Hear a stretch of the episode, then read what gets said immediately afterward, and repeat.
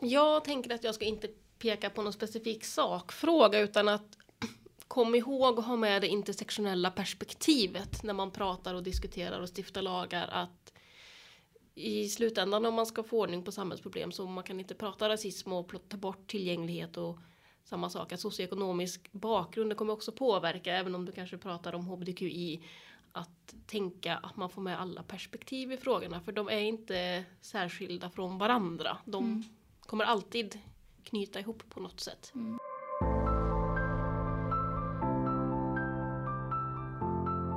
Hej och välkommen till Agera-podden. En podcast där vi på Agera Värmland tar upp frågor inom mänskliga rättigheter, demokrati och diskriminering. Allt med ett särskilt fokus på Värmland. Den som leder samtalet idag är jag, Nina Karlsson Norman. Och med mig har jag ordförande i RFSL Värmland, Louise Mattsson. Hej! Hej hej! Och vi har också eh, Matilde Konglevold, ordförande i Värmland Pride med oss. Hej! Hej hej! Och sist men inte minst har vi med oss Peter Westlund, styrelsemedlem i Transammans Mitt. Hej! Hej! Väldigt roligt att ni vill gästa våran podd här idag. Varmt välkomna! Tack! Tack! Och för den som inte har stenkoll på vad ni gör, kan inte ni berätta lite grann om hur ni jobbar hos er på era organisationer? Jag tänker att eh, Matilde, du får gärna ta ordet. Ja, men um, Värmland Pride, vad vi gör det är ju i princip organisera festivalen varje år.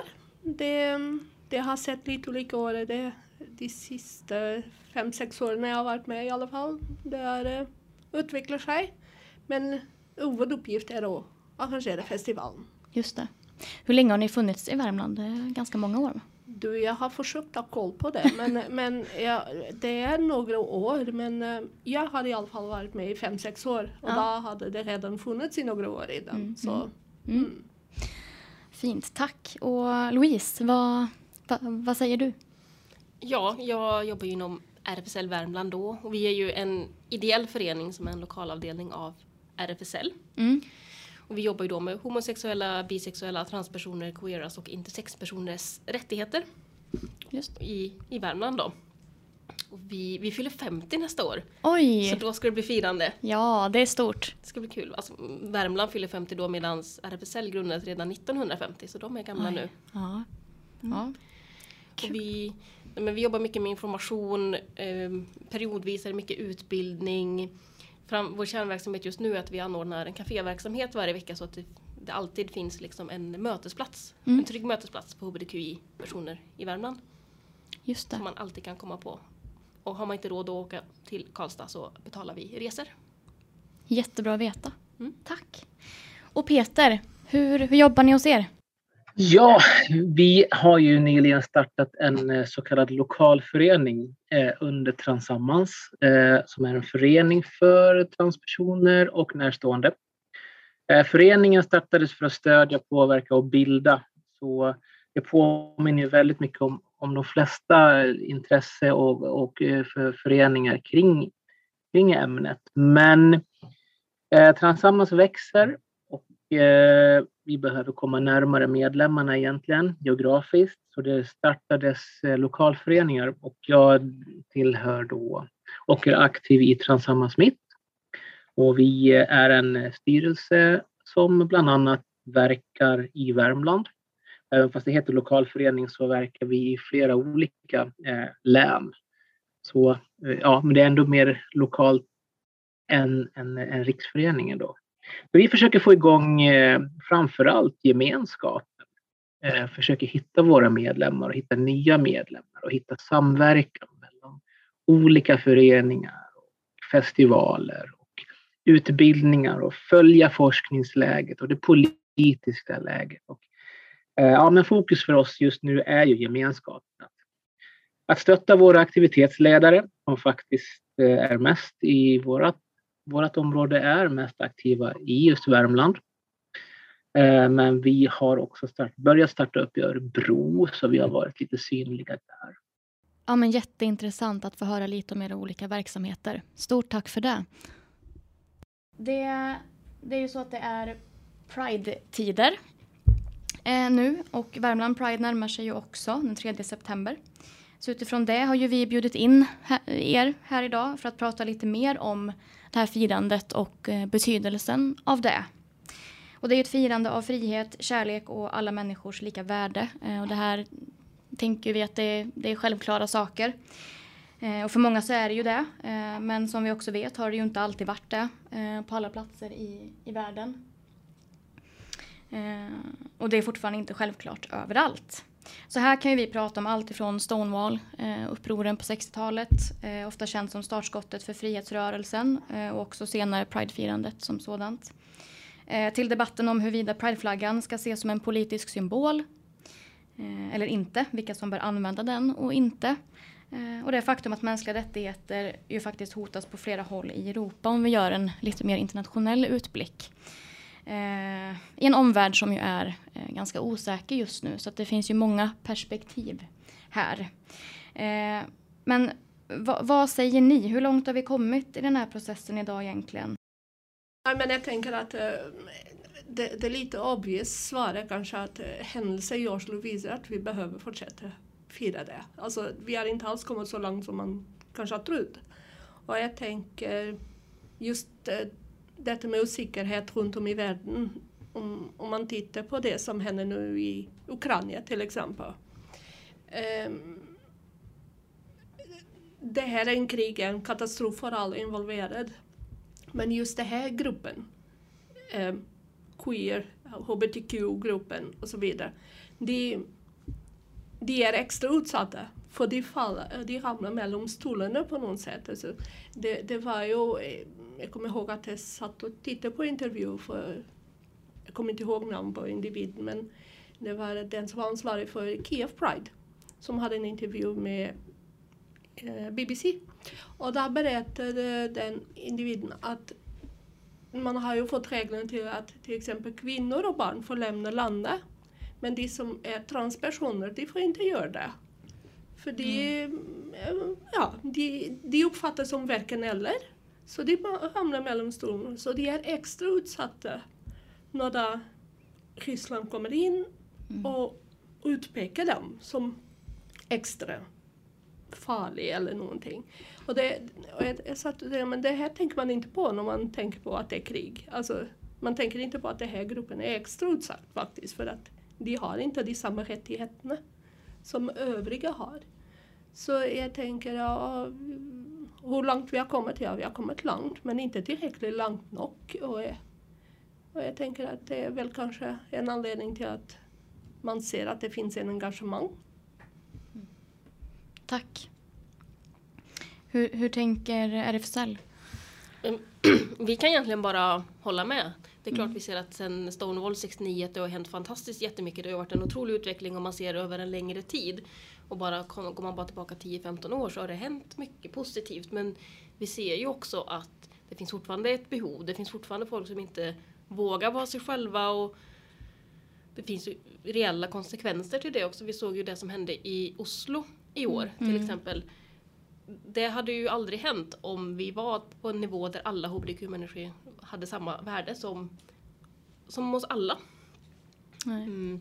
Vi ser ju även i Storbritannien och USA liksom att framförallt när vi pratar transvård att där är det nästan så att det går bakåt. Så vi ser ju definitivt att det här finns och det är fortfarande det krävs utbildningsinsatser helt enkelt. Mm. Men samtidigt vill vi ju också säga att det finns så otroligt mycket stöttning och otroligt mycket kärlek också och en otrolig mm. öppenhet också. Så det är inte så att det bara är dåligt men vi känner att det finns, det finns mycket kvar att göra. Mm. Precis, jag bara flikar in där lite snabbt på tal om det här att, att det händer ju mycket positivt och det är klart det är viktigt att, att lyfta fram det och prata om det. Att det sker mycket eh, utvecklingsmässigt så. Eh, men vi måste ju också prata om utmaningarna eh, för de, de, är ju ganska stora. Det ser ju vi också i vårt i det arbetet som, som vi bedriver här. Eh, och på tal om det här att, att kunna vara sig själv och vikten av att kunna vara sig själv. Rätten till integritet som en mänsklig rättighet. Ehm, jag läste nyligen en rapport som var i och för sig ett par år gammal men en, en internationell rapport eh, där man ju lyfte just det här att väldigt många väljer att till exempel inte hålla sin partner i hand offentligt. Bara en sån sak säger ju någonting om hur man eh, upplever kanske eh, omvärlden och miljön. Eh, och vad, hur tänker ni på, på Transammans? Vi, håll, vi följer ju också framförallt läget i, i Sverige inom transvården eh, ganska nära. Vi, har, vi, har, eh, vi diskuterar det här ganska mycket. Och jag vet att eh, det känns ju som att eh, alltså vi väntar på någonting. Men eh, det finns indikationer att, att vården tar ett steg tillbaka, börjar tillämpa försiktighetsprincipen försiktighetsprinciper mer aktivt och, och liksom vill att det ska, forskningen ska komma ikapp och, och så vidare. Men det, det här skapar ju ett glapp och det har skapat en, en, en oro, bland annat hos ja, men, transpersoner och deras närstående i vårt nätverk eh, som känner en oro för, för vad som ska hända och eh, vi möter en hel del sånt. Um, mm. så, så, för våran del så för våran del så, så blir det ännu viktigare att och, eh, skapa de här nätverken ja, och, och, speciellt nu. och eh, ha samtal. Och vi har startat projekt där vi söker till exempel en, en kurator eh, för att kunna starta igång och hålla närstående samtal på, på nät. Och behovet är större nu, det märker vi helt klart. Mm. Just det.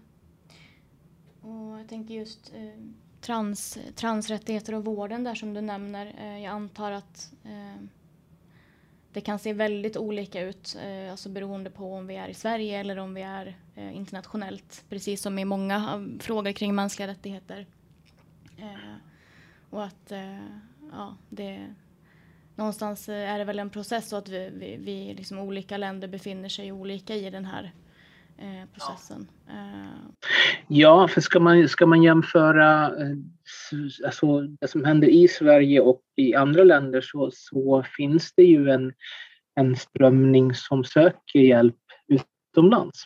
Allt ifrån att eh, beställa då saker som då kanske då också är i lagens utkant eh, preparat och, och tar liksom saken i egna händer till att faktiskt eh, besöka andra länder för att få tillgång till, till vissa preparat eller viss vård. Eh, och där kan man ju också diskutera vad det, vad det bidrar till och vad det signalerar. Eh, så, så att, att det tar ett steg tillbaka, det, det tycker jag och tvingar människor mer eller mindre ut i, i, i någon gråzon som, som jag tror inte är önskvärd för någon egentligen. Mm. Tack. Um, hur är er upplevelse kring alltså individer som kan uppleva sig utsatta på olika sätt? Eh, väljer man att, att eh, söka hjälp kring det? Vart gör man det i så fall? Och eh, upplever man att det finns eh, ja, men bra ställen att vända sig till? Vad, vad är er upplevelse kring det? Vår upplevelse går nog ganska hand i hand med vad forskningen säger att om man kollar mot icke-hbtqi-personer så är det, det är en högre tröskel att söka hjälp och mm. stöd om det är någonting. Um, att det finns liksom en misstro för men myndigheter och andra auktoritära um, om man ska säga aktörer. Mm. Även om de är där för att hjälpa till så betyder det inte att det finns en tillit till dem. Nu är det inte helt genom att alla känner så men om man jämför med icke-hbtqi-personer så finns det en större sån del. Mm. Och det kan vara svårt att veta, är de här har de utbildning om hbtqi-frågor? Känns det som att jag kan komma dit och vara mig själv eller kommer jag komma därifrån och känna mig kränkt? Jag tror att det fortfarande finns mycket sånt och vi pratar liksom vård men även det kan även vara om man är brottsutsatt. Att alla sorters instanser där man behöver stöd och råd att finns en tvekan. Mm. Inte såklart 100% rakt igenom. Som vi säger, Nej. det finns mycket bra också men jag tror att, och upplever att det finns en större rädsla. Mm. mm. Ja, jag kan ju bara hålla med. Vi, vi får inte så många sådana hänvändelser. Mm. Men det händer och då brukar jag hänvisa dem till RFSL för jag räknar med att de har svaret på de frågorna lite ja. bättre än det vi har. Mm. Men, men det är ju det, det vi ser om, som man kanske kan sätta i den sammanhanget till exempel att uh, de här två åren där vi har arrangerat digital Pride så fick vi en del eh, tillbakemeldingar om att det var jättebra för det, fi det finns individer där ute som fortfarande inte tör att gå ut och stå för mm. vilken de är eller visa vilken de är. Mm. Och för dem så var det en liten befrielse att kunna sitta hem i gemenskapen med oss och fira Pride i skydd. Och det mm. går ju kanske in på det du frågar liksom. Mm. Alltså, att det finns fortfarande en grupp som inte tör att gå ut mm. och, och, och fira en dag i parken. Mm. Det, det säger jättemycket över vilken stor rädsla som finns där ute. Mm. Så det, det är kanske någonting. Ja, verkligen. Om man tänker nu mot bakgrund av det som, som du nämnde Louise, det som hände i Oslo, så nu vet vi väl kanske inte riktigt eh, utfallet i den polisutredningen och, och alla motiv hos gärningsmannen. Men, men det som hände är ju såklart skrämmande. Eh, och på tal om det här att, alltså att våga höja sin röst eller bara våga visa vem man är. Eh, när det blir sådana här våldsdåd där man misstänker att det finns en koppling Eh, Eh, till, till hbtq-rättigheter eh, så bidrar ju det såklart inte till en ökad trygghet. Och att ett digitalt evenemang då ju faktiskt kan bidra till att fler kanske känner att man vill delta och ja, det känns tryggare.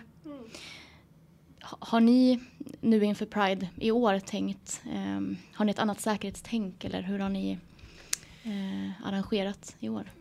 Alltså, Utifrån det som har hänt? Eh, ja, alltså vi, vi, vi har en, en tänk kring detta. Mm.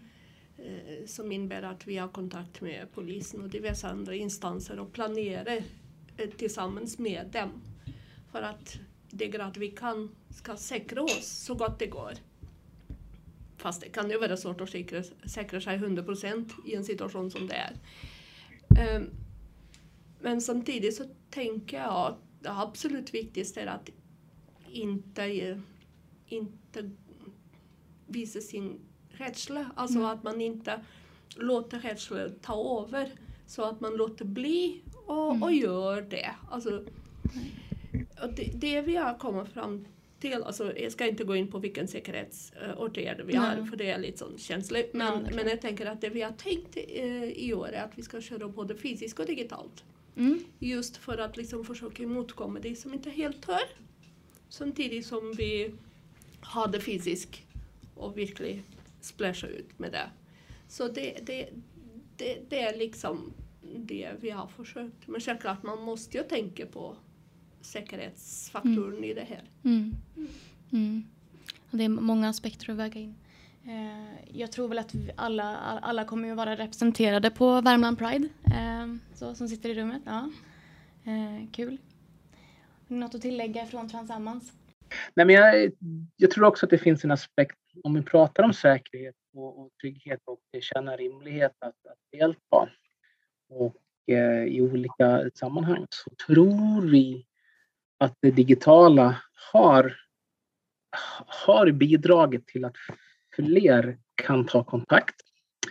Vi har, eh, vi har till exempel i, i många av våra nätverk startat eh, eh sådana eh, Discord-servrar, alltså egentligen tänkt för att spela och umgås i spel i, i liksom digital spelvärlden. Men det här används också som, eh, som ett utökat, eh, ja för oss som är lite äldre, Facebook eller Snapchat eller Insta. Då.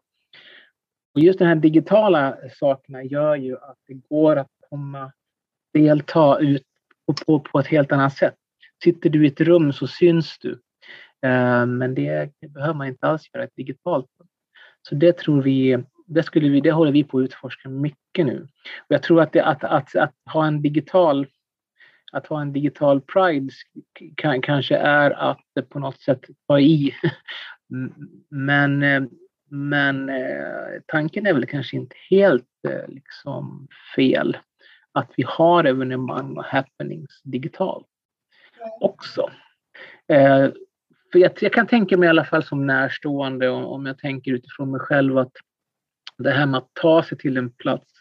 Eh, I vissa lägen så är familj och närmaste omgivning ganska ansträngd beroende av, det kan vara måenden eller andra saker går, går de här personerna, är man, är man i, i svensk grundskola eller gymnasium till exempel eller på något annat sätt så, så kan det vara väldigt ansträngt och det här med att komma iväg då eh, och dessutom synas så, så, så, tror jag att det, det, är många pusselbitar som måste finnas för att man tar sig iväg och tycker att, eh, att det är rimligt att göra det. Så jag, tror, jag tror man missar en rätt stor en rätt stor grupp. Och det var någon som inledde med de som behöver det bäst. Det handlade om någon stadsdel som, som skulle behöva Pridefestivalen ja, mer än någon annan stadsdel och så vidare. Man kan tänka sig att, att det här inte är geografiskt heller utan det kan ju vara digitalt. De kan, eh, det finns många som kan behöva det på det sättet. Så det var väl egentligen någonting som vi det är någonting som vi jobbar på och det kan vi väl tacka pandemin för lite grann, att vi har blivit bättre på att hantera de här medierna. Ja, verkligen. Det, det, den digitala sfären eh, har ju faktiskt bidragit med väldigt mycket kopplat till ja, men trygghet, eh, tillgänglighet och, och, mycket möjligheter. Så att, eh, inspirerande att höra. Verkligen, tack. Bara för att flika in där också, så just som du sa, just tillgängligheten tror jag är en viktig aspekt i det här också. Att mm. Man kan ju ha en funktionsvariation både psykiskt och fysiskt som gör att kunna vara med digitalt är det som krävs för att kunna vara med överhuvudtaget. Mm. Men bara för att fortsätta lite åt sidan. Det här är också, kan jag leda in lite på vad jag kan tänka är en lite kanske glömd fråga inom hbtqi. Att som hbtqi så kan man ofta ses som en minoritetsgrupp. Men att det är lätt att glömma bort att man kan vara med i flera minoritetsgrupper. Du kan ju faktiskt vara, ha en funktionsvariation och vara homo. Eller du kanske men alltså, färgad och vara trans. Det är en diskussion och en debatt som absolut behöver jobbas vidare med. Mm. Ja, det, det håller jag helt med för. Men det där funktionsrätt rörelse. Jag tycker att man skulle kunna ha en tätare samarbete på något måte och belysa det här. För det är, det är precis som du säger, alltså man kan ju tillhöra olika grupper. Man, det, det finns inte bara A och B-lag, det finns mm. en stor blandning där. Och, eh, och det, det är svårt att liksom jag tänker ibland så känns det som det är svårt för samhället att acceptera det faktum att man inte faller in i en box. Att det finns flera boxar att man behöver hacka av för att kunna liksom säkra att en person blir behandlad på en uh, värdig sätt mm. på alla möjliga måter. Verkligen. Jag tror att det är viktigt att tänka just att det med flera, flera boxar eller, eller cirklar eller vad vi nu väljer att prata om för form. Att man tänker, ja, men skulle det vara bra om vi, om vi hamnar, alltså som lite, det lite trenden är, vi, vi konsoliderar, vi blir större, vi slår ihop föreningar, vi blir liksom en och samma, men jag tror att vi missar en stor del av poängen då. Just att vi är många små grupper som jobbar med väldigt liknande saker, men att det ökar ju egentligen bara chansen att man hittar no någonting som, som, eller någon kanske också, om vi pratar relationsbyggande då att man hittar någonting som verkar rimligt. Och därför är det bra att vi har många föreningar som gör nästan samma saker eller många konstellationer som verkar för, för liknande saker. För det ökar ju bara sannolikheten att vi fångar upp någon till. Just det. Jätteintressant. Louise gör tummen upp här. eh, Nej men jag, jag, tänker också på det här med, med tystnad som vi pratade om innan och vi pratar om, eh, nu pratar, det vi pratar om nu är ju hur kan vi de, alltså öka delaktigheten på olika sätt. Mm. Och det är också ett sätt att motverka en tystnad som kanske kan uppstå utifrån rädslor och sånt som händer i omvärlden. Vad ser ni mer att vi skulle kunna göra eh, i det syftet?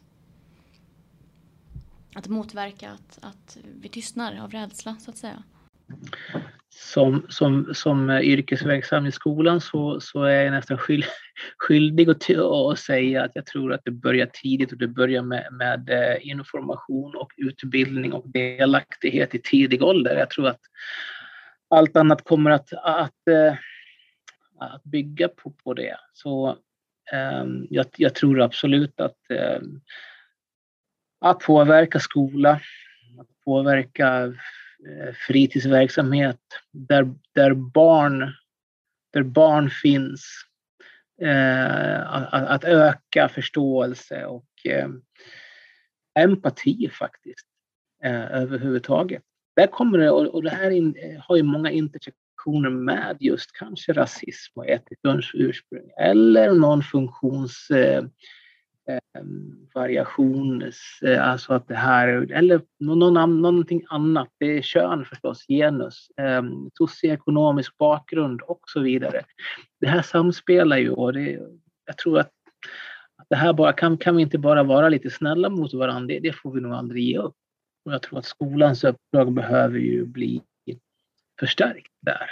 Um, uh, nu är, kanske man inte kan tro att skolan är silverkulan som ska, som ska eh, lösa alla, alla saker som, som strömmar i samhället, men jag tror att det är en stor del. Det tror jag absolut. Så jag tänker att inrikta sig mot tidiga åldrar i skolan, vara lite snälla mot varandra, temat. Det, det, det, tror jag är, det är så enkelt så att det, jag tror att det glöms bort. Sen så tror jag vi behöver jobba i den andra änden också. Alltså verkställa våra diskrimineringslagar. Mm.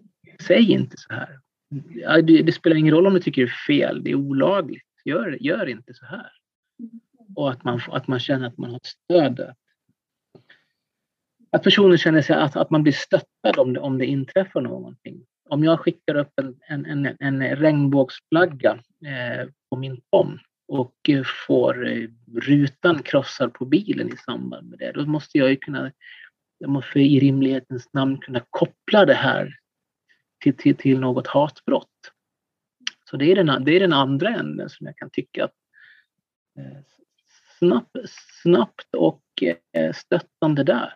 Ja, det är klart jag måste kunna få skicka upp den där flaggan om jag vill utan att riskera eller om jag, jag är klart att jag riskerar någonting, det gör man väl alltid kanske. Men, men jag tänker att, att det finns snabbt och tryggt stöd att få där. Mm. Så, så, ja, men så, så tänker jag personligen kring det hela. Ja. Tack. Tänkte du flika in någonting Matilda? Nej, men jag, jag tänkte nästan samma sak, men jag, tänker att egentligen så bottnar det här diskussionen i något så enkelt som att acceptera varandra som, som vi är. Mm. Ja, skolan har en väldigt viktig roll i detta, absolut, men jag tänker att äh,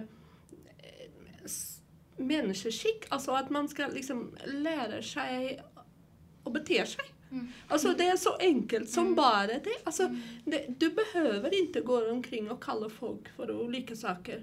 Mm. Bara för att du inte är överens med dem i hur de lever sitt liv. Du kan låta bli att kommentera. Det, det angår inte dig, så varför ska du kommentera? Alltså, mm. Det är liksom, människoskick, bete dig. Mm. Bete dig. Alltså det, det, är så enkelt som bara det, i, alla fall i min värld, jag vet inte, ja. det kan hända ni, ni, ni tänker något annat. Men i min värld är det faktiskt så enkelt som bara det. Och därför så tänker jag att ibland så, så, så eh, fraskriver man sig en del ansvar med att till exempel lägga det på skolan, fast jag är överens med att skolan har ett jobb att göra här. Eller arbetsgivare som ska komma med riktlinjer hur det ska vara på mm. arbetsplatser, eller vad det nu är. Alltså varför ska en arbetsgivare behöva berätta för att du ska respektera din medar, dina kollegor? Alltså, för mig låter det liksom överkurs. Mm. Det är bara för att du egentligen inte är intresserad att du liksom behöver ha det här på plats. Mm. Så för mig är det faktiskt en enkel fråga. Ja. Som är svår att besvara. Att besvara. Ja, ja, precis. Mm. Men jag håller verkligen med. Det känns som att ibland blir saker och ting så komplicerat. Eh, eller det görs komplicerat när det egentligen är så simpelt. Mm. Eh, jag håller med. Tänker du någonting Louise? Men jag kan ju bara hålla med tidigare talare. Skolan har ju en jätteviktig del i det här att börja tidigt och få utbildning och mm. som du sa det Matilda, att det har ju, alla har ju ett ansvar här liksom, och det tar inte slut när man går ur skolan. Och mm. Det känner jag också jag vill trycka på liksom, att det är viktigt för oss att fortsätta kampen. Att om vi ser någonting att vi inte är tysta och att vi är förebilder för andra och visar att man kan stå upp för det här och det är viktigt mm. att stå upp för det här. Och, att vi påverkar våra politiker framförallt så att vi mm. har liksom det lagstödet som krävs för att vi ska kunna fortsätta arbeta. Precis. Och vi, vi som jobbar mycket med, med diskrimineringslagen som verktyg, vi pratar också väldigt mycket om det här med alltså ett samlat grepp. Att det räcker ju inte med bara lagstiftning, det räcker inte med bara utbildning kanske tyvärr alltid. Eh, och att, att alla eh, aktörer behöver ju vara med, alla samhällsaktörer. Eh, men också du nämner ju civilkurage eh, här. och det är ju också någonting väldigt viktigt. Alltså vad har, vad har vi som medmänniskor för ansvar för oss själva och varandra? Och hur kan, kan liksom varje människa eh, eh, göra skillnad utan att det blir så komplicerat egentligen? Eh, ja, det, det, det är viktiga inspel, verkligen. Eh, nu var inte det, det minsta svar på din fråga. Vad, vad ska, vad, ska vi satsa mer på? Och, och lyfter man upp till helikopterperspektiv så blir frågan enorm. Eh, så, att, så, att, men, men, men, eh, så att man kan nästan eh, känna att man blir handlingsförlamad för det finns så mycket olika. Så jag tror att, jag tror att det är viktigt också att, vi, att man får hitta, hitta sin, hitta sin eh, barrikad och agera från den. Och om det är en Pridefestival och få skrika eller skrika ut och bara visa vem man är. Eller om det handlar om, som kanske för min del, som när, närstående och göra allt vad jag kan för, för att ekonomi och kassörskapet ska fungera för att stötta eh, en sån här viktig sak. Eh, då har jag hittat mitt kall. Och så att jag tror att man måste nog hitta sin, sin, sin sitt sätt, sitt sätt att, att, att göra det här. Eh, någon brinner för utbildning. Jag kanske ska, kanske ska um, vård, vårdpersonal utbildas speciellt i den här i, det, i hbtqi plus eh, frågor för, för att göra ett åtminstone så korrekt bemötande som möjligt när man söker vård. Ska polis veta och känna igen de här hatbrotten? Eh, ska, så, så jag tror att det, det, behövs ju på alla nivåer i alla inriktningar. Om det så handlar om att skjutsa någon till en, en aktivitet eller få en bussbiljett betald för att kunna delta. Jag vet inte riktigt. Det är så, så många små saker. Och eh, bygger man det här för stort så, så känns det som att det kanske inte går att angripa. Men jag tror att eh, återigen, ju, ju fler vi blir, eh, det spelar ingen roll hur många namn och hur många föreningar som poppar upp och grupper och, och samtals eh, projekt eh, som dyker upp. Jag tror inte vi kan få för många. Nej, jag håller med verkligen. Och det här tycker jag låter lite klyschigt men eh, att, att prata om saker och ting som är viktigt. Det är väldigt viktigt helt enkelt att faktiskt hålla liv i frågor och prata eh, om det i olika forum och eh, samverkan såklart inte minst. Eh, både liksom bland offentliga och och civilsamhällesorganisationer att vi, att vi samarbetar givetvis. Eh, absolut, för att fortsätta med klyschorna att mm. eh, ingen kan göra allt men alla kan göra något. Ja. Bara så Mycket bra klyscha. Ja men det är ju det och sen om vi lite hypotetiskt hittar på en arbetsplats som det är 50 anställda som kanske är ganska homofobisk i sin kultur. Mm. Och så är det en person som jättestarkt står upp för att här ska det inte vara så är ju det jättebra. Men det skulle ju ha en större inverkan på kulturen på arbetsplatsen om 25 personer ändå sa någonting om det var mm. någonting. Mm. Det skulle ju ha en större påverkan på att ändra kulturen på en sån arbetsplats än om det är en som skriker jättehögt. Mm. Precis. Mm. Ja men jag tänker det, det, där med att få sin röst hört. Om man, om man säger emot. Alltså nu ska jag ta min son som exempel. Liksom. Han, är, han är sju år och han är på grund av sin mamma väldigt upptagen av Pride. Så han går till skolan väldigt stolt med en t-shirt med Värmland Pride på och sånt. Mm. Och så får han tillbaka kanske inte så väldigt trevliga eh, kommentarer. Men han, han, han liksom ja, men jag bryr mig inte att du inte tycker om Pride. Jag tycker om Pride för jag tycker det är rätt. Punkt slut. Mm. Och då ringer det här fröken mig bara. Men har du lärt han det? Ja, typ. Han har ju varit med så han har väl kanske lärt vad som är rätt och fel, ja. så svarar jag liksom. Jag menar, men ja, det var bara en håring, men jag misstänker att de andra kring han som hörde det fick någonting att tänka på. Och det, där tänkte ja, det kanske är bara en person som säger ifrån. Men är ni de andra någonting att tänka på. Alltså, att, man, att man tör att säga ifrån. Det här är fel, det här är rätt. Mm. Lite som civilkurage pratar vi om här man, ibland så behöver man en ganska stor grad av det när man är ensam i stormen.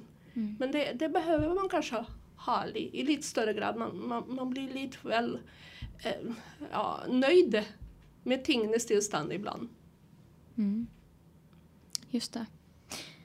Och nu, nu, det blir ju lätt att man, man pratar kring utmaningar och sådär. Eh, som man ser. Ehm, och det är ju som sagt en del i liksom, eh, utvecklingen, så är det ju alltid. Men, men för att fortsätta prata lite om det, ser ni några särskilda utmaningar i er roll eller i er organisation ehm, just nu framåt? Ja, jag tänker det som jag känner är vårt största hot som en ideell organisation som jag vet att många kan skriva under på är ju mm.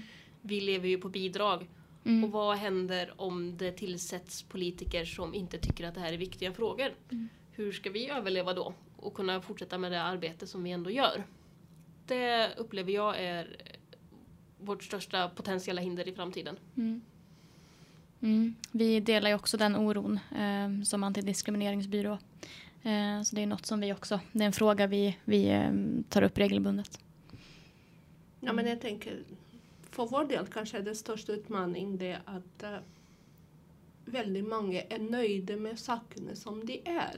Alltså att man vi får ofta frågan, men varför behöver vi fira Pride fortfarande? Om man sitter liksom där. Mm. Ja, du har inte helt följt med, tänker jag. Men, men alltså, man försöker vara väldigt pedagogisk och didaktisk i förklaringen. Men du vet, det är kanske inte bra för alla. Det kanske behövs liksom. Och jag tänker, det är jättemånga som känner sig väldigt nöjda. Ja, men vi har kommit så långt. Vi mm. behöver inte det något mer. Mm. Och den likgiltigheten tänker jag är väldigt, väldigt farligt i, i det här sammanhanget, i alla sammanhang i och för sig, men särskilt i en sammanhang där man ska liksom försöka stå emot stormen lite, mm. så blir likgiltigheten livsfarligt. Mm. Helt och slätt, tänker jag. Mm. Känns som det kan vara svårt att komma åt också. Mm. Uh, för det är ju inte alltid ny kunskap är välkommen om man redan känner sig lite likgiltig alltså inför ett ämne. Så att, ja, det förstår jag uh, att ni ser. Peter, vill du tillägga något där kring kring hur ni ser framåt? Ja, alltså jag tror att det ideella behöver kompletteras med någonting som, gör, som är mer professionellt. Alltså pratar vi avlönat. Alltså avlönat som i att man avsätter någons eh, vakna tid till det här. För att jag tror att det som kommer i vägen lite grann i alla fall för oss, eh, det är ju att det, är mycket som händer i, och ett, ett ideellt uppdrag. Man kan se olika på det såklart, men det är ju, det är ju oftast förskjutet till någon sorts fritid. Då, fritid. Och eh, den kan ju, den kan ju liksom, eh, den kan gärna, den kan behövas till mycket. Så jag upplever väl en, det tror jag alla gör, jag tror vi är ganska peppande just i Transsammansmitt att, att, att uh, uppmana varandra till att ja, men det är, man tar så mycket man kan och man tar på sig så mycket som det går. Och vi skyndar långsamt och vi är ganska bra på det där och se till att folk inte säger ja när de borde säga nej till någonting för mm. tillfället. Men, men just, att, eh, just att det är ideellt eh, kostar inte jättemycket pengar då trots allt. Eh, även om det kostar lite pengar, så, så, så, så, känner jag att vi, vi skulle kunna göra så mycket mer om, om, om man hade haft eh, tid. Eh, och jag tror att det är nog en ganska, det är, det är en utmaning att just vara ideell på det sättet. Samtidigt är det ganska skönt, för vi har ingen som egentligen bestämmer över oss. Vi har ingen arbetsgivare som kan ge oss instruktioner för hur det här ska gå till. Det är medlemmarna, det är medlemsstyrt. Så styrkan utifrån från det går ju inte att går ju liksom inte att bortse ifrån, såklart. Men, men visst, eh, någon timme till i månaden hade inte varit tokigt. Jag tror att vi har mycket medlemmar och mycket människor som väntar på oss där ute. Och som jag sa, vi håller på att satsa mycket på att starta igång. Ja, men just nu kring Örebro, men eh, i våra andra delar också, just aktiviteter och träffar. Skapa gemensamt gemenskapen där. Eh, det är ju det är mycket prioriterat just för, våran, för oss som lokalförening. Och där känner vi att den ideella tiden är det som, som vi behöver ta fighten. Så där behöver vi bli fler. Um, vi behöver bli fler och, eller så behöver vi knyta till oss organisationer där det finns avlönade människor som, som jobbar, som kan jobba tillsammans med oss. Vi kan liksom jobba ihop helt enkelt. Just det. Eh, jag tror väl att vi är väldigt bra generellt sett i, inom sam, eller civilsamhället på att peppa varandra och det är ju fantastiskt. Eh, samtidigt så är det ju det här som är också en konstant fråga inom, inom antidiskrimineringsbyråerna. Det finns ju 18 stycken runt om i Sverige. Alltså att, att eh, ja, det är lätt att man vill mycket och att vi arbetar hårt och sådär med resurser vi kanske egentligen inte har. Eh, så att eh, dela den uppfattningen eh, att vi, vi skulle behöva få lite mer muskler helt enkelt eller mer resurser. Eh, och vi ser också en sån utmaning. Eh, det här är ju inte ett arbete, alltså arbetet för, för alla människors lika värde ska ju inte, ska ju inte ligga på, på någras axlar utan det ska ju verkligen vara prioriterat både högt och lågt. Liksom så. så ja, håller helt med. Och då tänkte jag att vi eh, ska börja avrunda. Och det är ju så att det, det snart eh, är val. Eh, och ja, ni får en, en sista fråga här ifrån min sida. Vad, vad ser ni som absolut viktigast att eh, vi har med oss framöver? Jag tycker vi ska jag tycker vi ska eh, vara tydliga med föreningsfriheten och eh, vi, vi har en vi har en samhällsmodell som redan bygger på mycket ideellt engagemang, hela idrottsrörelsen till exempel. Eh, som, som, som, bara ett exempel. Men jag tycker vi ska eh, göra det klart att, eh, att vi behöver förenkla för föreningar att finnas. Vi behöver tillsätta möjligheter och, eh, ja, och också lite ekonomi eh, för att kunna utveckla just förenings, eh, alltså demokratiaspekten för föreningen. För det är trots allt en liten skillnad mellan att vara en arbetsgivare, att utföra en, en, en uppgift, än att vara en ideell förening där medlemmarna, för att ta tillvara medlemmarnas röst. Så eh, vi har ju hela fackföreningsrörelsen redan på plats. Jag tror att vi ska jag skulle, jag, skulle, jag skulle vilja hälsa att vi ska förstärka den, den, den medlems eh, eh, inflytande, den idén om att folk är folkets röst. Liksom. Det tror jag. Mm. Tack. Jag tänker att jag ska inte peka på någon specifik sakfråga utan att kom ihåg att ha med det intersektionella perspektivet när man pratar och diskuterar och stiftar lagar. Att i slutändan om man ska få ordning på samhällsproblem så man kan inte prata rasism och ta bort tillgänglighet och samma sak att socioekonomisk bakgrund det kommer också påverka även om du kanske pratar om hbtqi att tänka att man får med alla perspektiv i frågorna för de är inte särskilda från varandra. De mm. kommer alltid knyta ihop på något sätt. Mm. Helhetsgrepp, mm. viktigt. Det tänker jag är viktigt att ta med. Mm. Tack.